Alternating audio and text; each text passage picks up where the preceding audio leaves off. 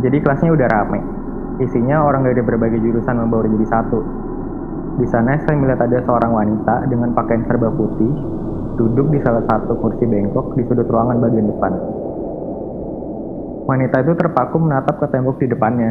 Rambutnya acak-acakan seperti mbak kak di kosan saya. Hmm, jangan-jangan.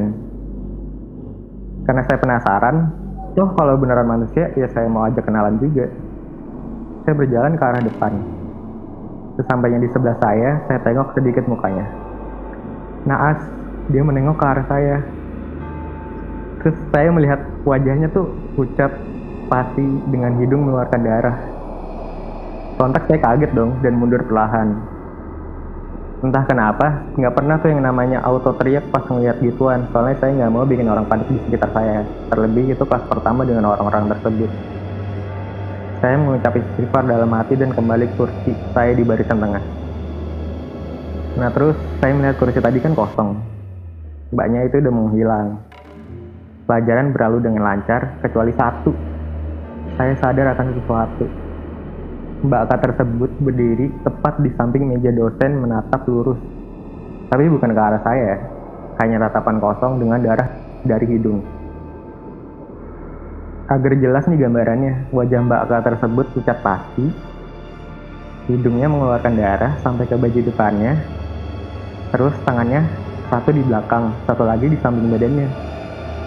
Saya ingat jelas banget wajahnya dan rupanya. Penampakannya terjadi dalam lima hitungan. FYI, saya biasanya menghitung dalam hati berapa lama saya melihat suatu kejadian. Nah selanjutnya nih, dia tuh menghilang lagi sampai pelajaran usai.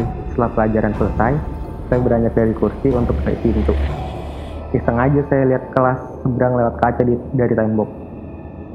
Lagi-lagi, saya melihat Mbak Kak tadi terselip di antara mahasiswa-mahasiswa yang hendak keluar kelas.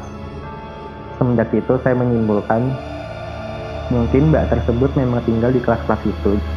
Dan semenjak itu pula, saya tidak pernah melihat dia lagi. Anjir, gila banget gak sih? Aduh. Eh gue merinding loh. Makasih ya Wan, jadi gue gak perlu baca sendiri nih. Soalnya kan katanya emang yang baca yang didatengin. Kalau cuma denger eh, nggak uh, didatengin. Oh iya. Mm-mm. Coba lihat sekitar deh. Lanjut dong Wan. Ih nggak mau. Lah kenapa? Uh, karena kalau kalian pengen tahu gimana lebih lanjut ceritanya, nah kita bakal ngobrol bareng nih sama penulisnya. Gimana Kel? Di podcast Biru Bicara BMFTUI 2020-an. Nah, sampai bertemu di podcast horor pertama. Stay tune ya teman-teman. Dadah. Dadah.